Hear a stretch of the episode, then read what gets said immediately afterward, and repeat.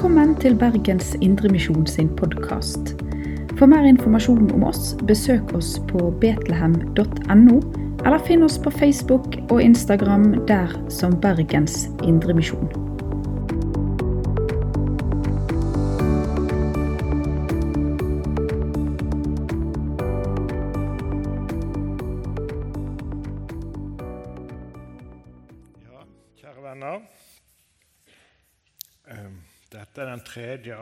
Fem gudstjenester som er satt av til Galaterbrevet. Njål begynte stafetten med å fortelle at eh, galaterne det var flere menigheter i regionen som heter Galatia. Den ligger i dagens Tyrkia. Og han Njål beskrev brevet som et kampskrift et kampskrift som skulle motvirke innflytelsen fra utsendinger fra Jerusalem. Disse utsendingene de krevde at galaterne måtte omskjæres og følge Moseloven. Brevet er kjennetegnet, eh, sier Njål, av uvanlig skarp tale. Det er viktig for Njål, det er viktig for Paulus å rydde opp i forvirringen som denne delegasjonen skapte.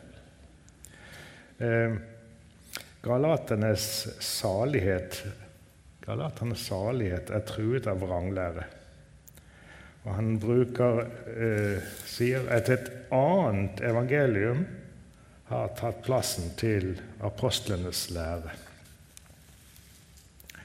Sverre Bø han tok over og talte om oppgjøret mellom Peter og Paulus, der Paulus i alles påhør irettesatte Peter. Peter hadde først omgått de hedningkristne fritt, men da det kom jødekristne fra Jerusalem, falt han tilbake i jødisk skikk som setter grenser mot bordfellesskap med hedningene. Ja, Sverre forklarte veldig godt hvorfor det var vanskelig for dem som var oppdratt som jøder, å skulle akseptere den nye pakts grenseløse nåde. Peter, som hadde sittet på et hustak i Jaffa og hadde opplevd å komme i henrykkelse og fikk se en duk senket fra, fra himmelen eh, ned til seg, han, altså, selv han fikk tilbakefall til den tradisjon han var oppvokst i.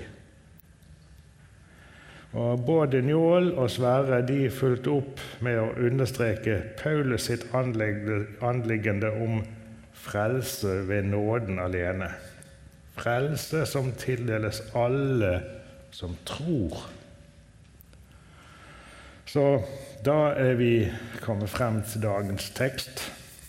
Den har uh, ankerfeste i påskeevangeliet. Det er, eh, det er en slags eh, påskemorgenstekst, kanskje. Derfor kommer vi til å synge litt påskesalmer i dag. Vi leser fra Galaterne 3, vers 1-14.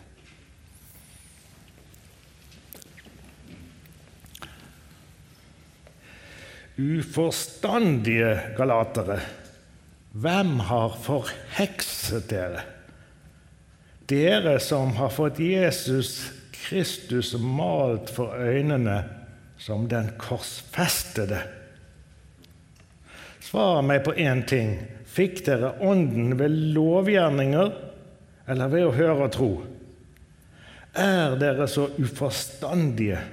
Dere begynte med Ånden. Vil dere nå fullføre med kjøttet? Har dere opplevd alt dette forgjeves? Hvis det da var forgjeves.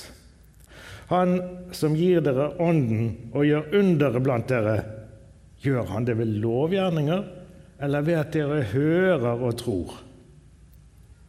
Om Abraham heter det han trodde, og derfor regnet Gud ham til rettferdig, rettferdighet. Så forstår dere at det er de som tror, som er Abrahams barn. Skriften forutså at Gud ville rettferdiggjøre hedningene ved tro, og forkynte det på forhånd. dette gode budskap til Abraham. I deg skal alle folkeslag velsignes. Derfor blir de som tror, velsignet sammen med den troende Abraham. Men de som holder seg til lovgjerninger, er under forbannelse. For det står skrevet:" Forbannet er hver den som ikke holder fast ved alt som står i lovboken, og gjør det den sier. Og det er klart at ingen blir rettferdig for Gud ved loven. For det står skrevet:" Den rettferdige skal leve ved tro.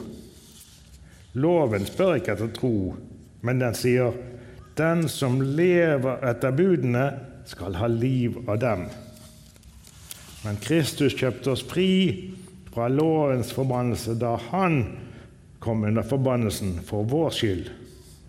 For det står skrevet:" Forbannet er hver den som henger på tre. Slik skulle Abrahams velsignelse komme til folkeslagene i Kristus Jesus, så vi ved troen skulle få Ånden som det var gitt løfte om. Slik lyder Herrens ord.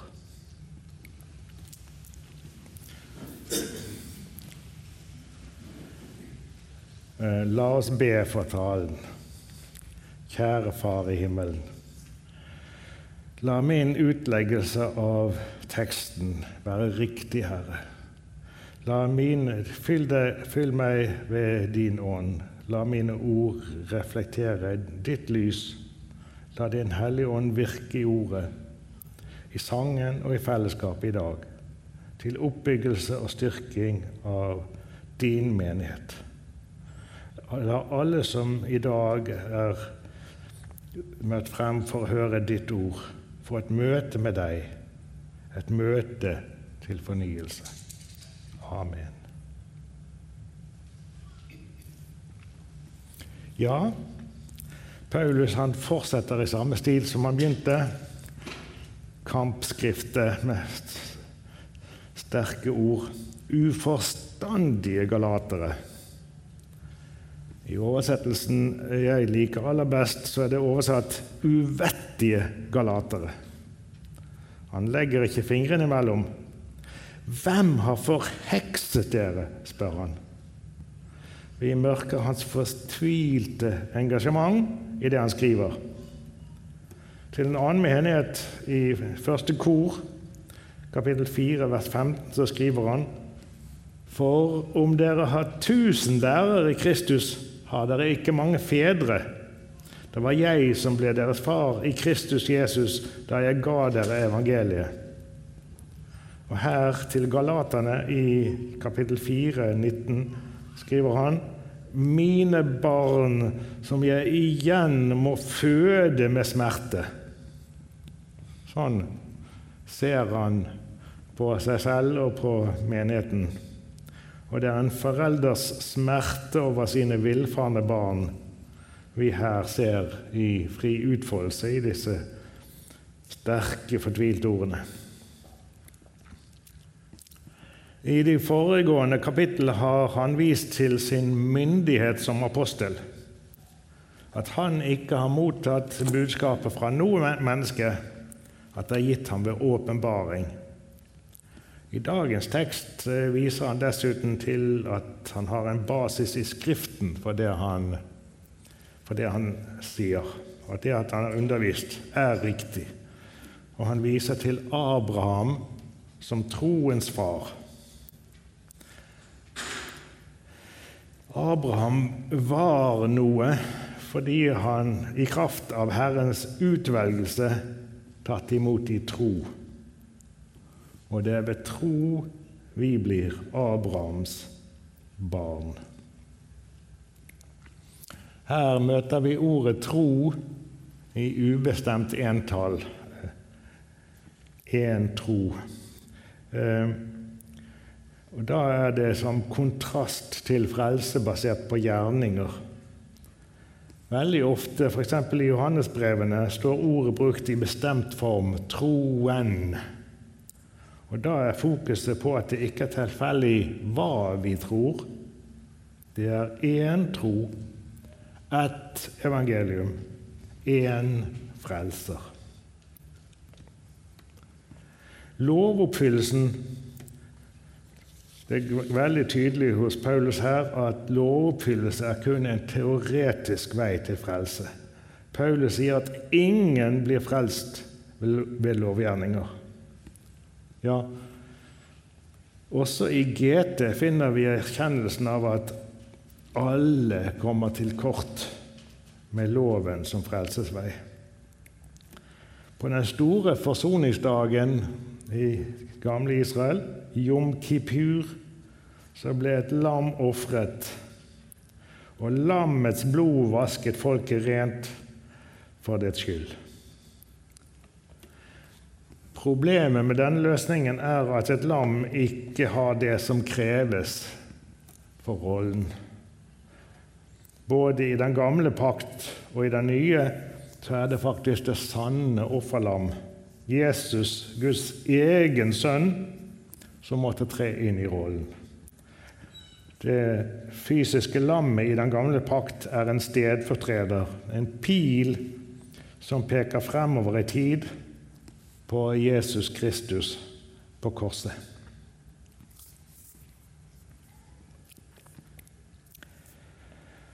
Ja, Galaterbrevet har et bakteppe som ikke direkte vises til, men, men som er avgjørende for forståelsen. Um, jeg ser for meg et teaterstykke, og så henger det en teppe bak, sånn som dere ser i, ofte i teateret, hvor det er malt bokhyller og sånt som viser at vi er inne i et rom, eller det er et landskap for å vise at vi er ute. Det er bakteppet til historien. Eh, jeg vokste opp i, i Laksvåg kirke. Der var det på ene, ene siden av, av koret eh, så var det et uvanlig tema for, for kirkekunsten. Vi ser Adam og Eva kledd i fikenblader, i ferd med å bli jaget ut av Edens hage av engler med brennende sverd. Sjelden tema i kirkekunsten. Ehm, men det, er, det bildet der, det er faktisk bakteppet for forståelsen av den teksten. Det er syndefallet som er bakteppet for hele Galaterbrevet.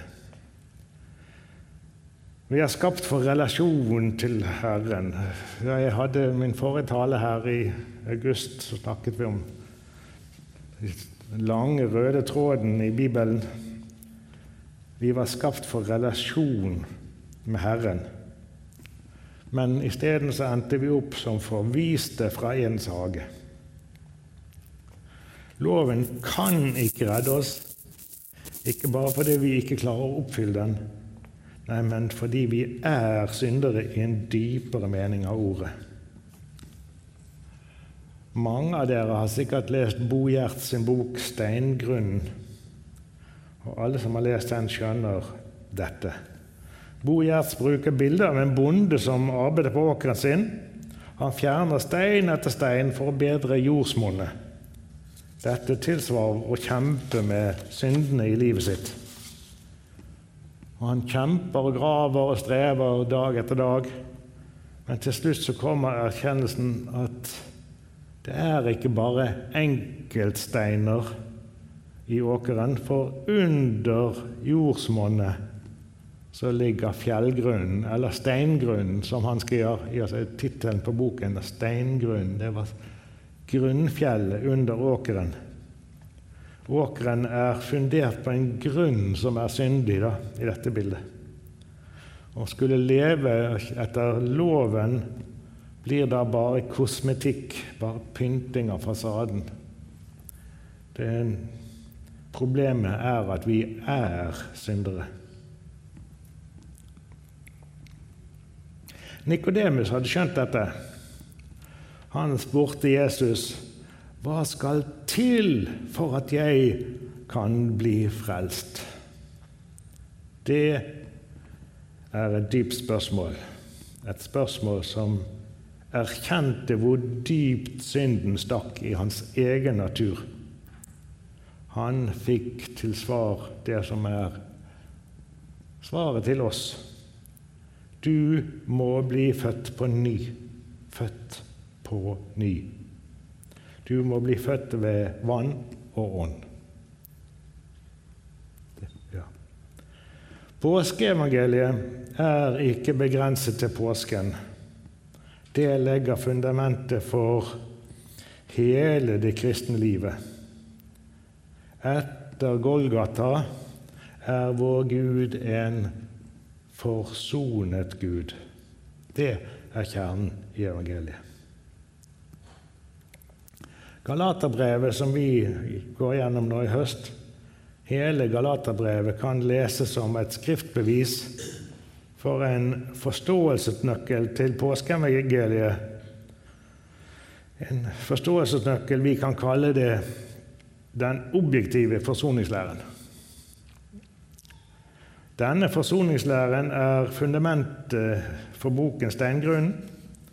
Og denne forsoningslæren er helt dominerende i bedehusbevegelsen, som vi er en del av, i lagsbevegelsen og ellers i konservativ luthersk tenking. Og dessuten i evangelikal, konservativ evangelikal teologi. I henhold til den objektive forsoningslæren så er det vår falne natur som utgjør menneskets grunnskade. Det er det vi er, som setter oss under Guds dom. Og dette problemet kan ikke fikses ved gode gjerninger. Vi er redningsløste fortapt, som vi nettopp sang i sangen men i min strid, min bedring og flid, sang vi, der fantes det bare avmakt og død. Nå er vi frie, hør og gi akt. Synden på verdens frelser er lagt. Gud nå forkynner nåde for synder. Amen. Halleluja. Siden, vår, siden vi forstår hvor grunnleggende dypt fordervelsen stikker i oss, så skjønner vi veldig godt at det er en ny fødsel som må til før vi kan slippe inn i Guds herlighet. Vi vet at vi er fordervet. I kraft av Jesus stedfortredende død blir den gjenfødte tilregnet Jesu rettferdighet. Som Abraham, så også oss. Vi er rettferdiggjorte syndere med tilregnet rettferdighet. Og de, vi, kanskje vi skal si, vi som står i den objektive tradisjonen, vi tenderer til å fokusere mer på langfredag kanskje enn på påskemorgen. Og ord som hellig byttehandel, stedfortredende død, stedfortredende soning, tilgivelse og barnekår er vanlig i våre kretser og kretser som tenker objektiv uh, uh, forsoningslære. Nåde blir forstått som ufortjent benåding av den straffedømte. Ufortjent benåding av den skyldige. Ord som forsoning og gjenfødelse er mye brukt. Ordet forsoning betyr gjenoppretting av ødelagte relasjoner. Vår Gud er en forsonet Gud, synger vi en kjent påskesalme. Og den skal vi synge nå.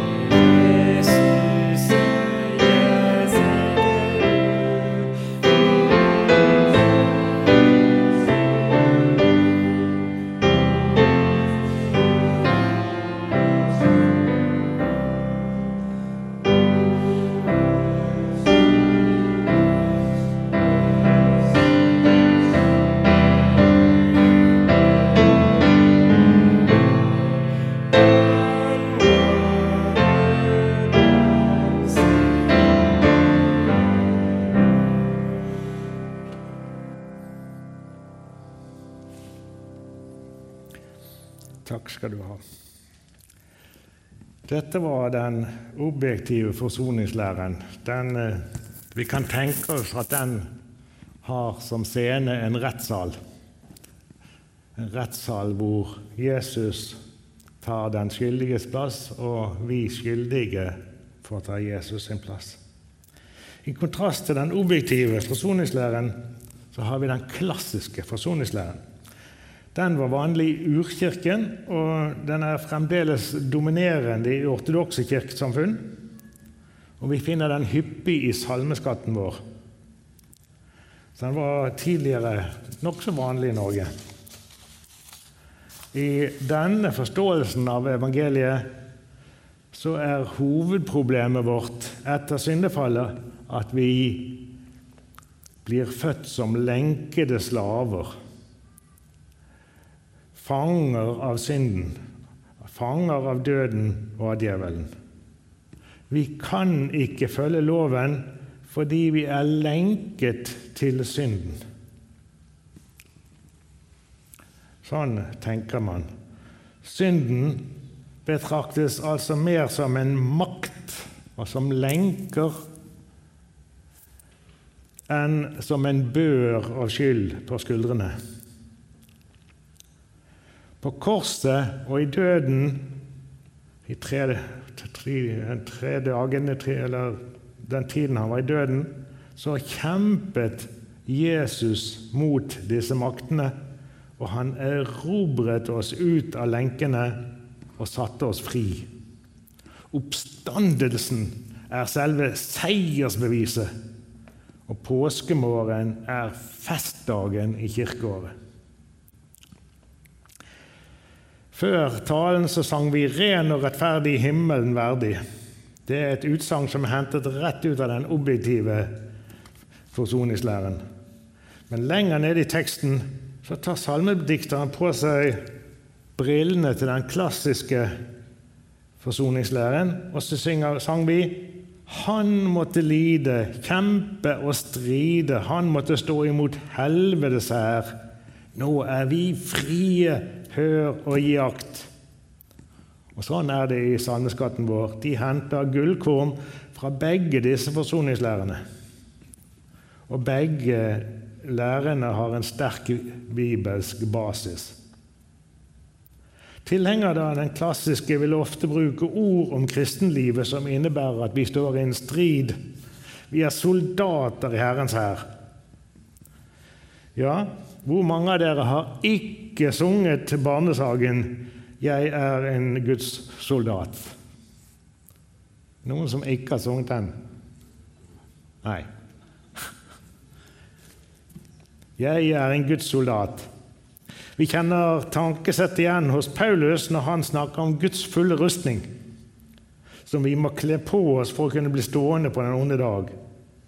I forrige uke talte pastor Efraim og veldig mye av den talen har basis i klassisk tenking. Bare tenk på navnene som han hadde gitt til barna sine. De navnene det var ikke valg som ville gjøre livet lett for barna i et land preget av forfølgelse av kristne. Barnas navn må forstås som uniformen til soldater i Kristi hær. Altså uniformen som alle skal se. Og til oss, når han talte til oss, så utfordret han oss til å tre ut av komfortsonen vår. Guds rike sak er ikke tjent med at vi sitter i sofakroken.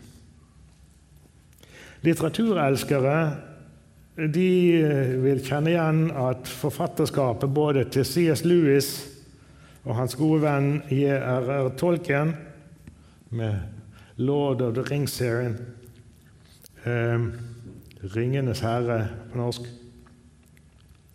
de har, Hele forfatterskapet deres har basis i kristen, klassisk tenking. Marie Berg, Marie Berg gift med Arthur. Mange her i Betlehem kjente henne sikkert. Hun skrev en avhandling om C.S. Lewis. Tittelen på avhandlingen var 'The Holy War in the Writings of C.S. Lewis'. Hellig krig-perspektivet i skrivingen, eller forfatterskapet til C.S. Lewis. Tenk over det neste gang du leser høyt for barna dine fra Narnia-bøkene. Hun tolket Narnia-bøkene som hellig krig. Etter talen skal vi synge 'Deg være ære, Herre over dødens makt'. Salmen formidler den klassiske forsoningslæres evangelieforståelse. Jesus er seierherren han har seiret for at vi skal seire. Salmen er rett og riktig og godt bibelsk forankret. Kanskje kunne vi i IMF-tradisjonen øve oss litt på å tenke klassisk. Uten det perspektivet kan vi gå glipp av bibelske perler om vi da ensidig prøver å forstå tekstene ut fra det objektive soningsperspektivet. Vi skal også synge sangen 'Der det nye livet lever'. Sangen ser kristenlivet i perspektivet av en glad og hellig strid. Typisk klassisk forsoningslære.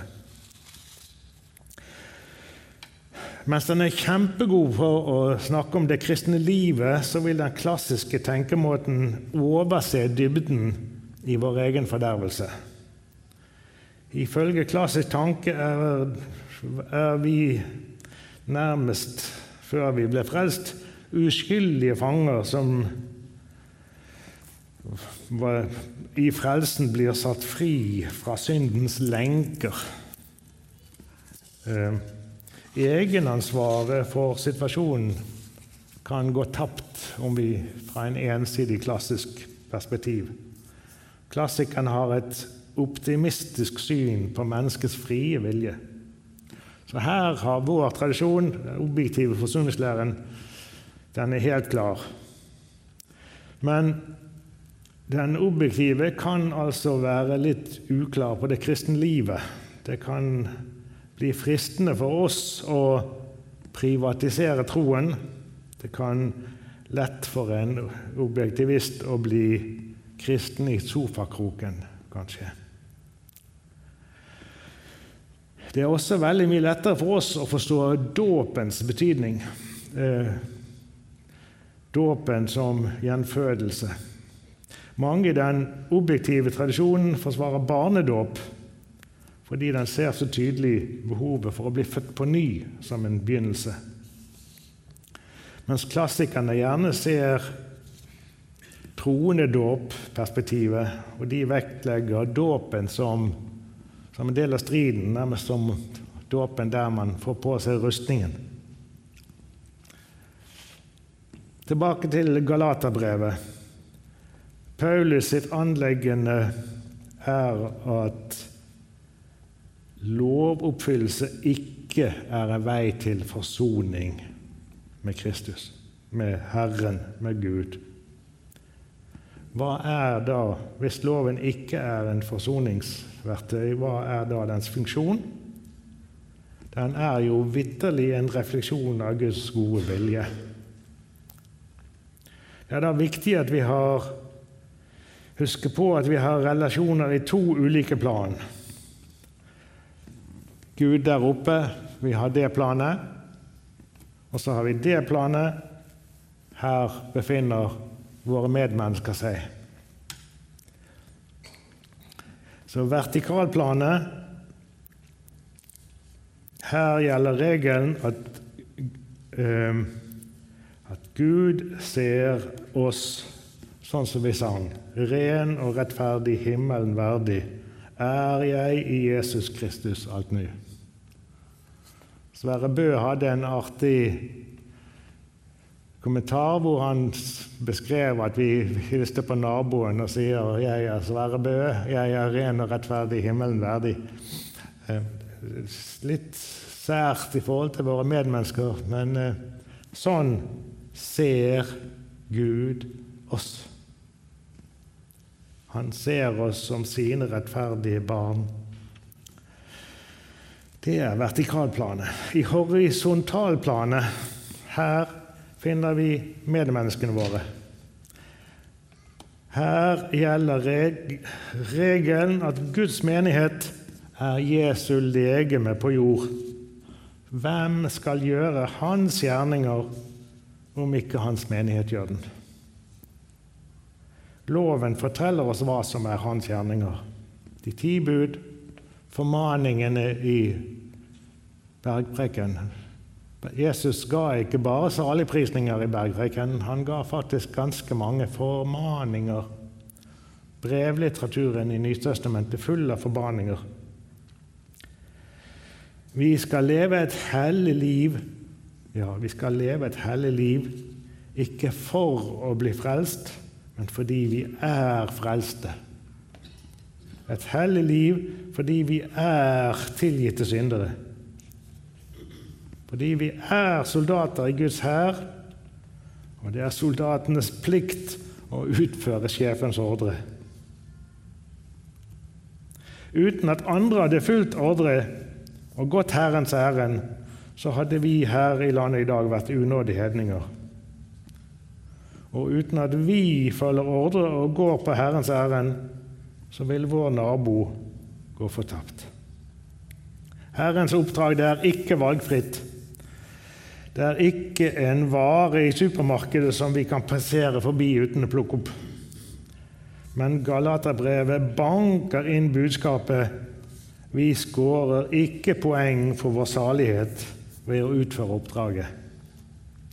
Når det gjelder frelsen, så gjelder regelen én Gud, ett evangelium, én nåde, én frelse, én dåp.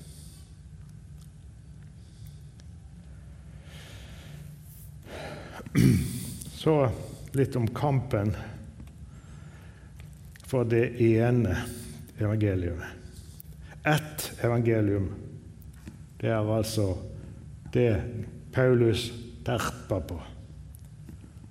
Kampen mot et annet evangelium. Den kristne kirke forvalter kun ett evangelium. Det finnes ikke flere. Det sosiale evangelium, nestekjærlighetsevangeliet, redd jorden-evangeliet, om vi kan kalle det det, finn din identitet-evangeliet, eller solidaritetsevangeliet, alle disse er andre evangelier. Ja, forvalteroppdraget er gudgitt. Det er gudgitt og gudvillet. Men det ble ikke gitt til Kirken, ikke til apostlene. Det blir til Adam og Eva. Vi mennesker skal en gang stå til rette for hvordan vi har forvaltet jorden for, og vi skal stå til rette for samfunnets behandling av de utstøtte og for mye annet.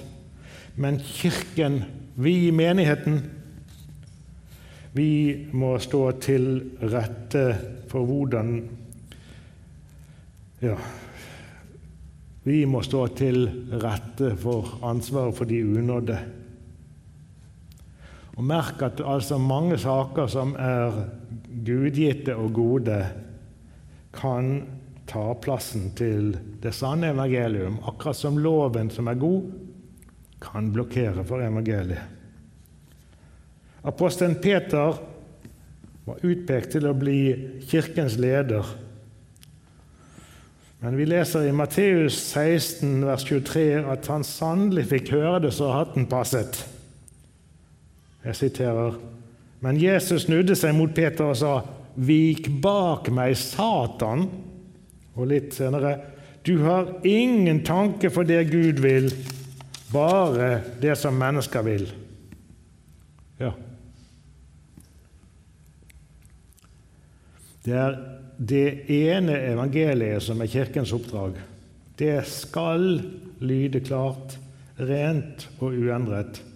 Og det skal være vår fanesak. Til sist noen ord om samvittigheten vår. om skam og om selvforakt. Er vi tilgitte syndere? Hva sier vi indirekte til Herren Jesus om vi fortsetter å drasse på skam? Om vi fortsetter å bære på skam, skyld og opplevd nederlag på våre feilsteg etter at vi er blitt tilgitt for dem. Vi er frikjøpte. La oss glede oss over vår status som frikjøpte slaver. La oss falle ned i vår Frelsers hender, i Hans åpne armer. La oss bade i oss, la oss dykke ned i Hans kjærlighet.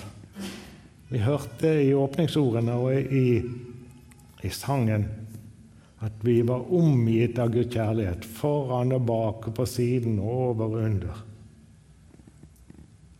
Tenk over det, og la oss bade i det, la oss hvile i det.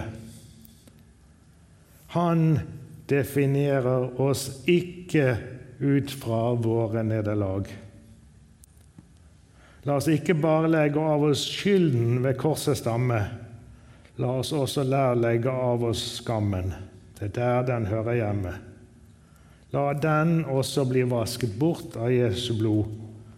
Og la så rake ryggen og så synger barnesangen 'Jeg er en Guds soldat'.